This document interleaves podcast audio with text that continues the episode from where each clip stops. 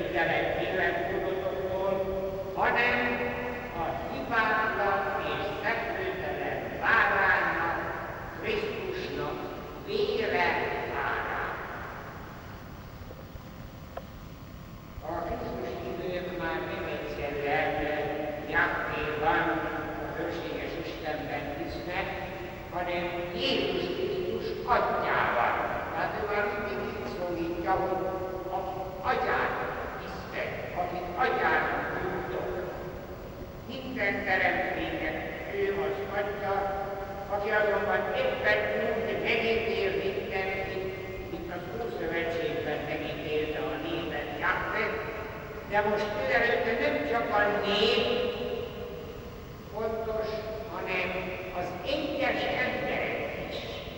Roppant érdekes változás. Az Ószövetségben mindig a választott nép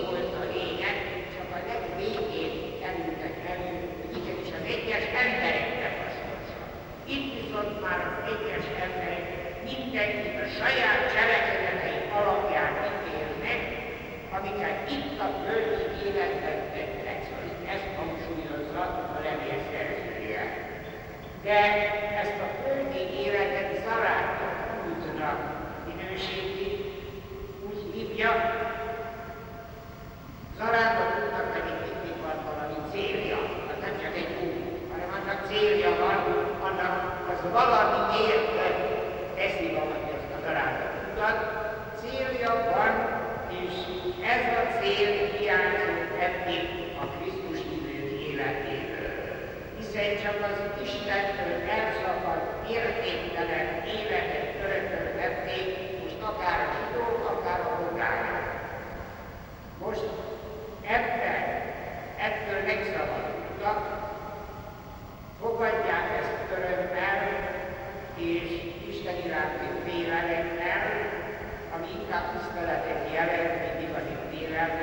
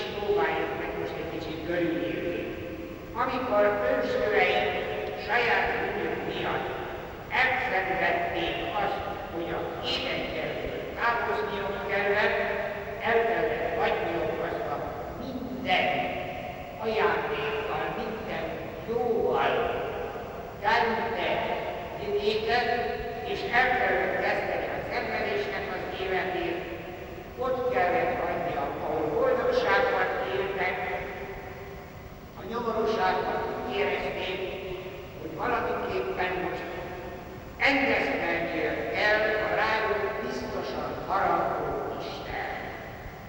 A bajok és a nehézségek Isten haragján következtették bennük, hogy igenis haragszik az Isten és ennek a lecsillapítására és Istennek a tetszésére. Valami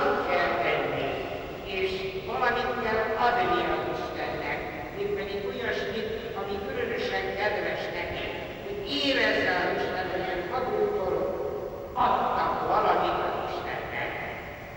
A történelem folyamán az egy Istentől aztán istenségek lettek a pogányok mögött, és egyre nagyobb számban nekünk adott elbűnölített, elpusztított valamit, legkülönbözőbb formával, égő áldozat, egészen elégő áldozat, véres áldozat, vértelen áldozat, étel áldozat, ital áldozat, szóval a lehető legváltozatos formákat mindegyiknek a célja az volt, hogy valamiképpen jóvá tegyenek valamit a fenntartásokat,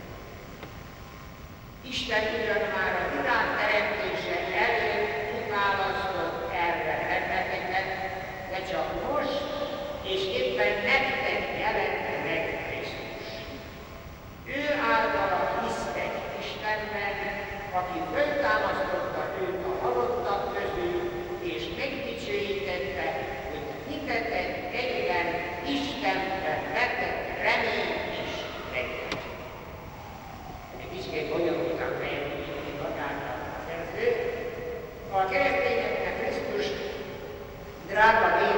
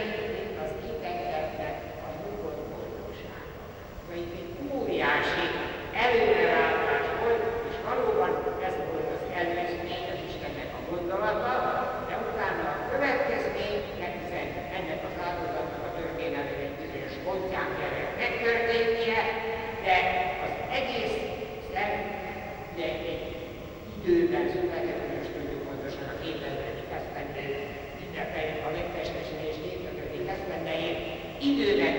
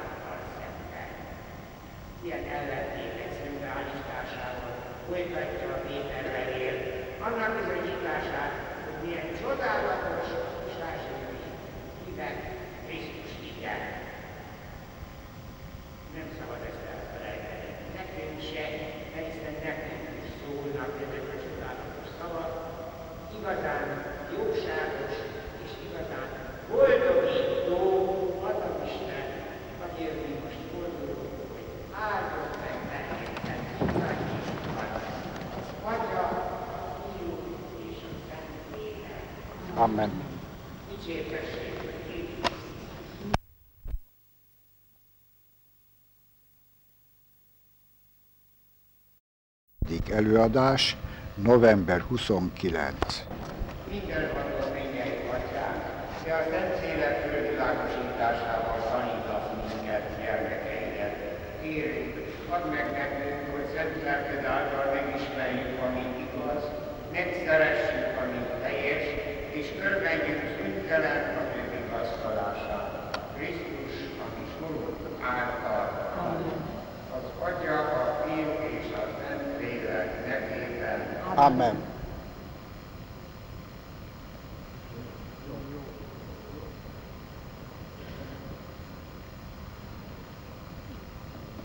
Most jön.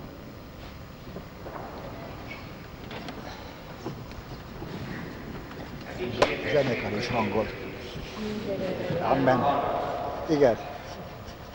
Bizonyára emlékezünk arra, hogy az úgynevezett első Péter levél, mindjárt az első fejezet 18 sorában megemlítette a mi Krisztusi hitünknek egyik igen-igen nagy igazságát ezekkel a szavakkal.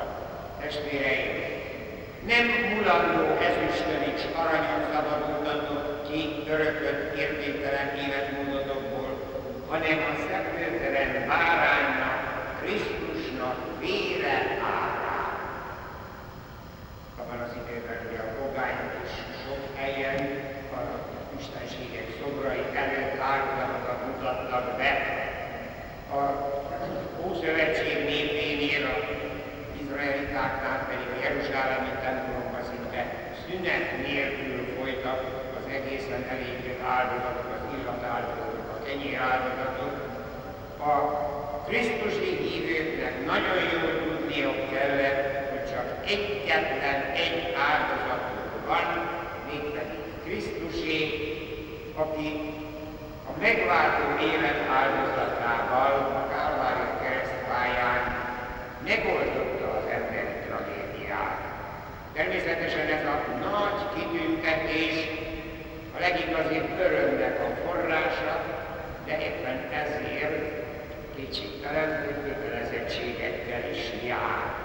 A Péter levél a második fejezet első tíz sorában ezeket a kötelezettségeket próbálja nagyon érthető formában a olvasóknak, a hallgatóknak elébe tárni.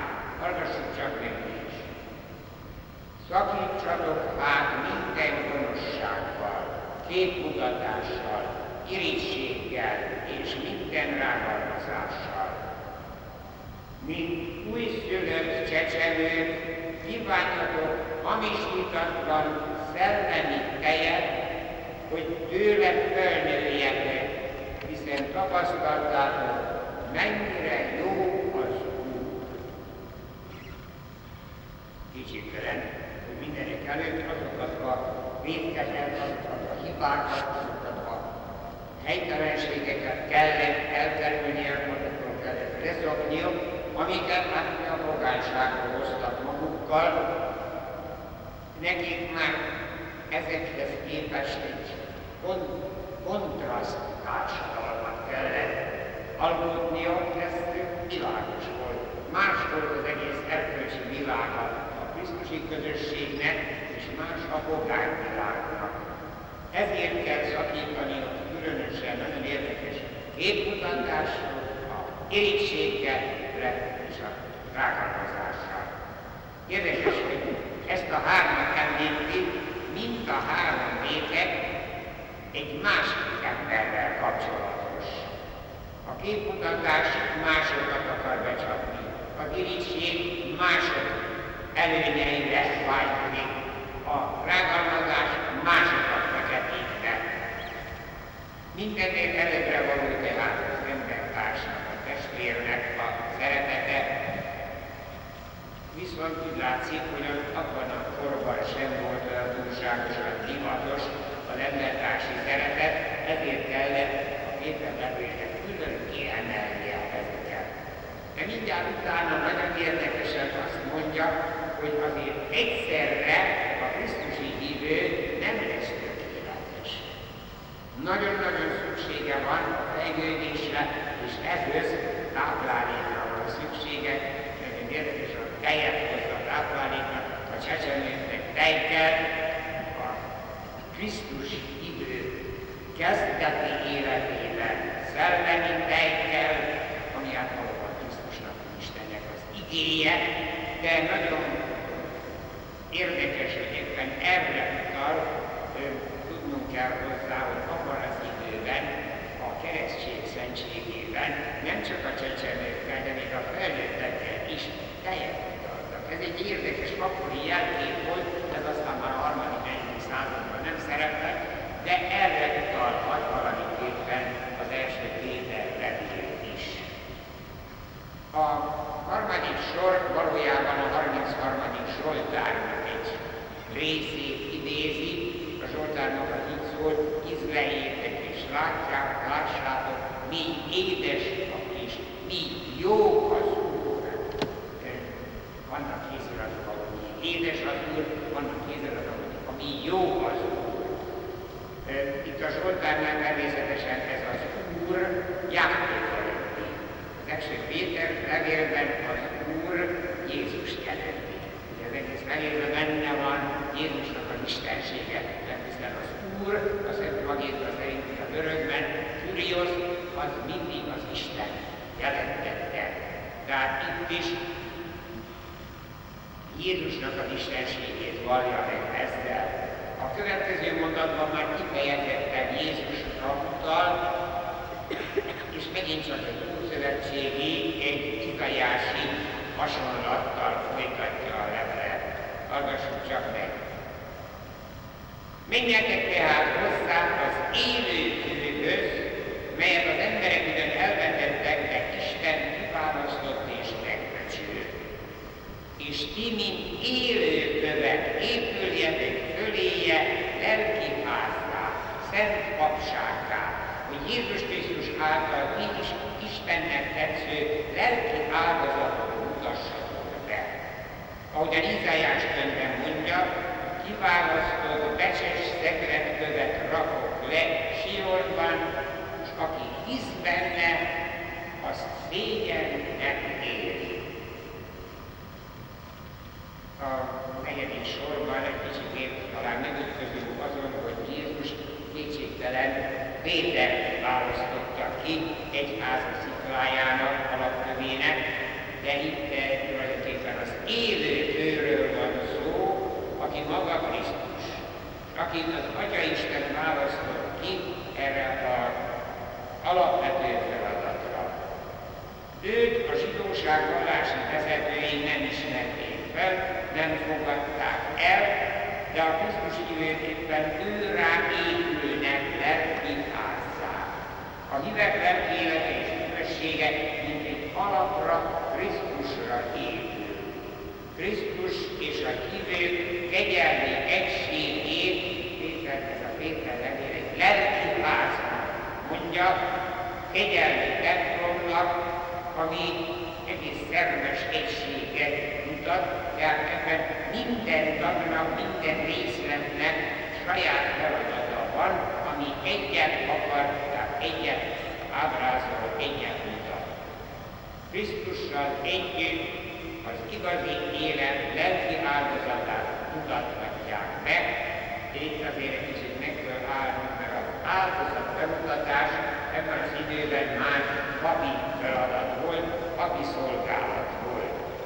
De vigyázzunk, később a, a Péter levélnek későbbi szövegéből világosan látni fogjuk, hogy itt a Péter levél ebben a papi szolgálatban nem a fölszentelt papoknak a szolgálatát említi, vagy nem arra gondol, nem szól a szolgálati papságról, hanem a híveknek, apostoloknak és azok utódainak a papságáról.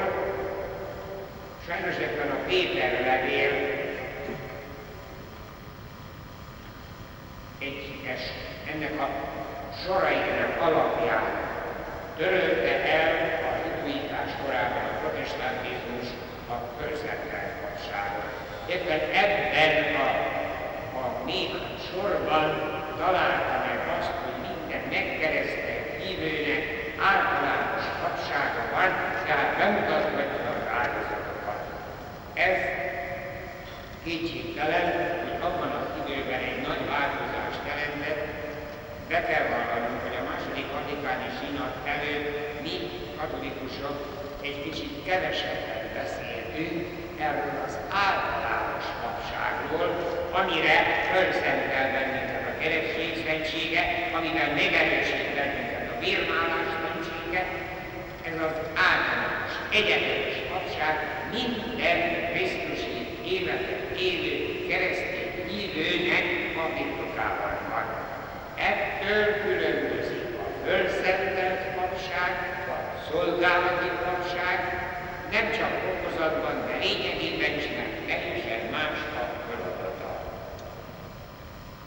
Itt az izajási idézet roppant érdekesen hangzik, ez a Zajás könyvének a 28. fejezetéből való, a becses szegletkőről szól, profétai jelenülés volt ez, ami Krisztusban beteljesedett, valóban benne a hívők egy ilyen sziklaszilárd biztonságot kapnak. A továbbiakban is folytatódik ez a kő hasonlat, és itt pedig világosan, hogy nincs lehet félreérteni. A következő két sor így tehát ez a kő, mivel hisztek benne, dicsőségeteket, dicsőségetekre válik. A hitetleneknek pedig a botlás kövévé és a botrány sziklájává lesz. Az új szövetségi szentírás több helyen, és különösen a Szent Páli levelekben gyakran szerepelteti Krisztus egyházának ezt az épület allegóriáját, egészen természetes, hogy ebben az alap, alapkő, amire rá épül, az egész egyház, az maga a megváltó Krisztus. Nos, aki hisz benne, az számíthat komolyan Krisztusi megváltás eredményeire, a aki azonban nem hisz benne, hát ő sem tudja nem létezővé tenni, nem tudja megsemmisíteni a Krisztusi megváltást, csak az ő számára a botlás a botrány sziklájává válik. Saját végzetes sorsát pecsételi meg a hitetlenségével. A továbbiakban viszont nagyon érdekesen a Krisztus hívőknek a biztonságát említi. Nem kell félnie, a Péter levél egészen világosan, olyan szépen, olyan fölemelten, olyan biztatóan beszél erről a következő sorokban, amiket többször hallottunk már, ez biztos, tehát a Szentmiség Szentleckéken többször szerepel, néha-néha egy kicsit meg is közünk rajta, most egészen komolyan végig elemezzük. Így szól ez a kilencedik sor, a második fejezetben. Ti azonban választott nemzetség, királyi papság, szent nemzet, tulajdonul lefoglalt nép vagytok, hogy annak dicsőségét hirdessétek, aki a sötétségből meghívott benneteket csodálatos világosságára. Ti valaha nem voltatok igazi nép, de most Istennek népe vagytok, addig nem nyerhettek kegyel, nem nyerhettetek kegyelmet, de most irgalomra találtok. Ebben a sorban minden szó vigasztaló, bíztató, fölemelő aranyat ér.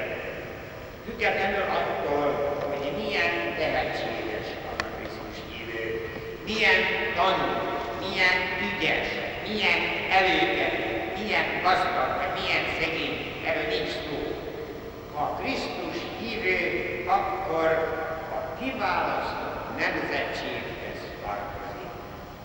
Az Ószövetség népe is választott nép volt, már Ábrahámot kiválasztotta Isten, utána aztán a sínai hegyen szövetséget kötött Izrael népével, Ábrahám tudaiból származott néppel.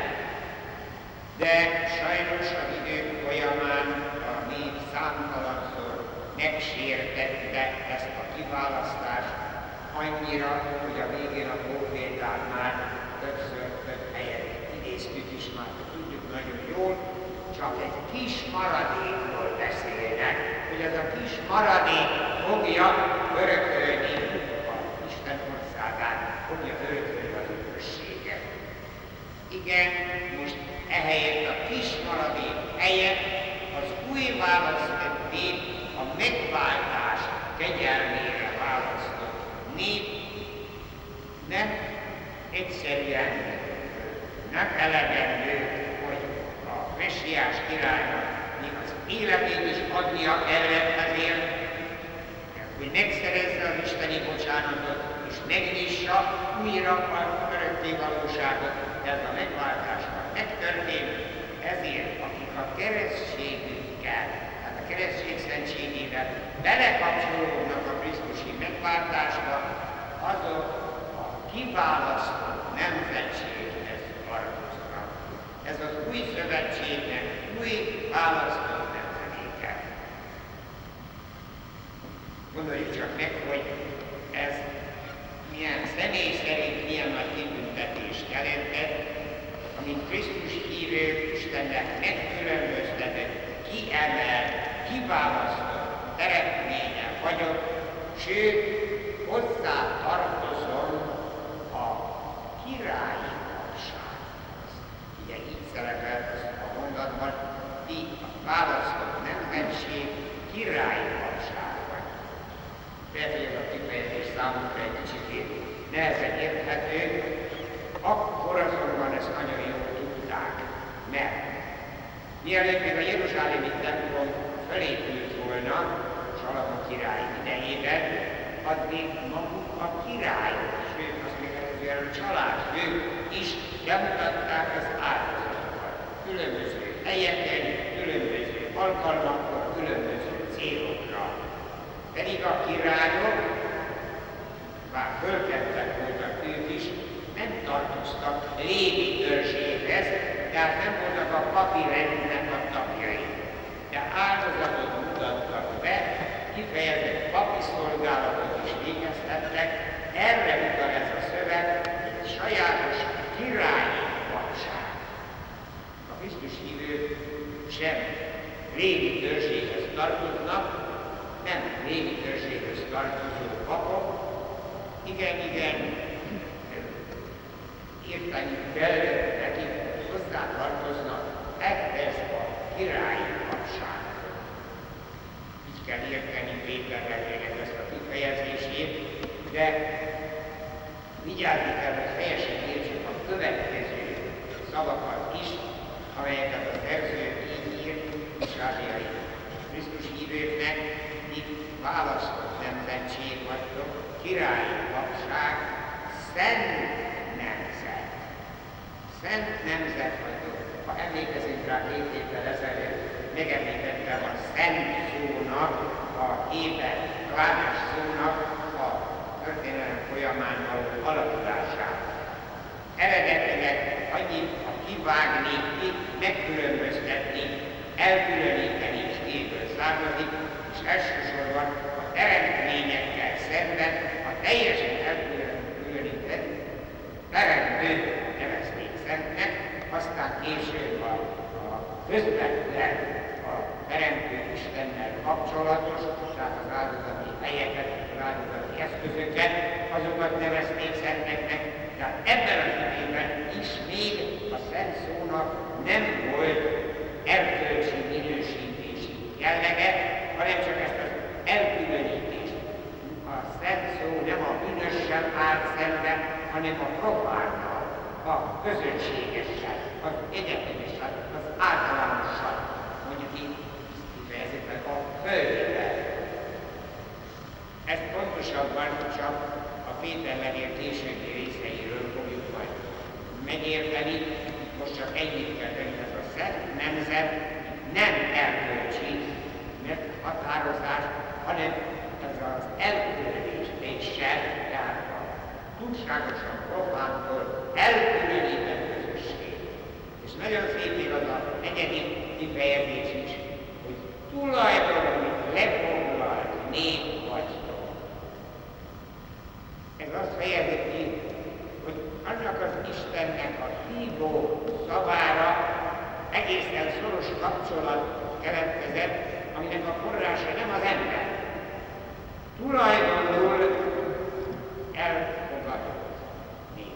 Ja, Isten kezdeményezi. Isten akarja ezt. Nem az embernek a kiválósága, nem az ember iparkodása, hanem kizárólag Isten jósága, irgalma és kegyelme, amely magához emeli, tulajdonába veszi, valóságban lefoglalja az ember.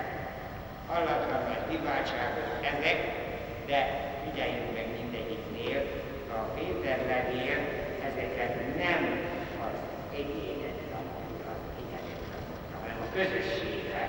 Ugye nemzetségről beszél, papságról beszél, nemzetről beszél, népről beszél, ez mindig a közösség. Tehát csak annak van joga boldognak lenni, vagy örömmel tudomásul venni ezeket az óriási kiváltságokat, akik beletartoznak, akik benne élnek a közösségben, és nagyon jó, tehát a keresztény szentsége csatolja Krisztus egyházához az egyes embereket. Tehát ne felejtjük el, hogy itt nem jelentette, nem az egyes embernek a kiváltságáról beszél, hanem a közösségről, ami a megváltottságba való belekapcsolódás a keresztény szentségével és a többi szentségekkel, tehát a szentségi kapcsolat a Krisztusi közösséghez az az alapja ezeknek a kiváltságnak. Óriási kegyelmet tudatosítanak magukba a Krisztus hívők, magától érthetővé, hogy ezért dicsőítik csodálatos Isten, nyíltan hirdetik az ő hatalmas tetteit, hogy a bűn sötétségéből átvitte őket az üdvösségnek az isteni kegyelemnek a világosságára. Mi is tulajdonképpen ebben a világosságban élvezzük igazán a Péter levélnek ezeket a nagyon mély értelmű szavait. Olvassuk el talán még egyszer, mert nem olyan könnyű ezeket teljesen átérteni, de valami csodálatos, egészen nekünk írottak volna. Ti testvéreim, választott nemzetség, királyi papság, szent nemzet, tulajdonul elfoglalt, lefoglalt nép vagytok. Eddig nem voltatok igazi nép, mert nem nyertetek kegyelmet, most azonban igazán Isten népe vagytok, hiszen irgalomra találtok. Hirdessétek tehát nyíltan annak dicsőségét, aki a sötétségből meghívott titeket csodálatos világosságára. Szinte véletlen felállító ezt mind hallani, komolyan vesszük ezeket a szavakat. Nagyon tudatosítanunk kellene, hogy mi már Isten csodálatos világosságában élünk, és ebben a csodálatos világosságban áldjon minden Isten, az Atya, a Fiú és a Szent. Amen. Dicsérte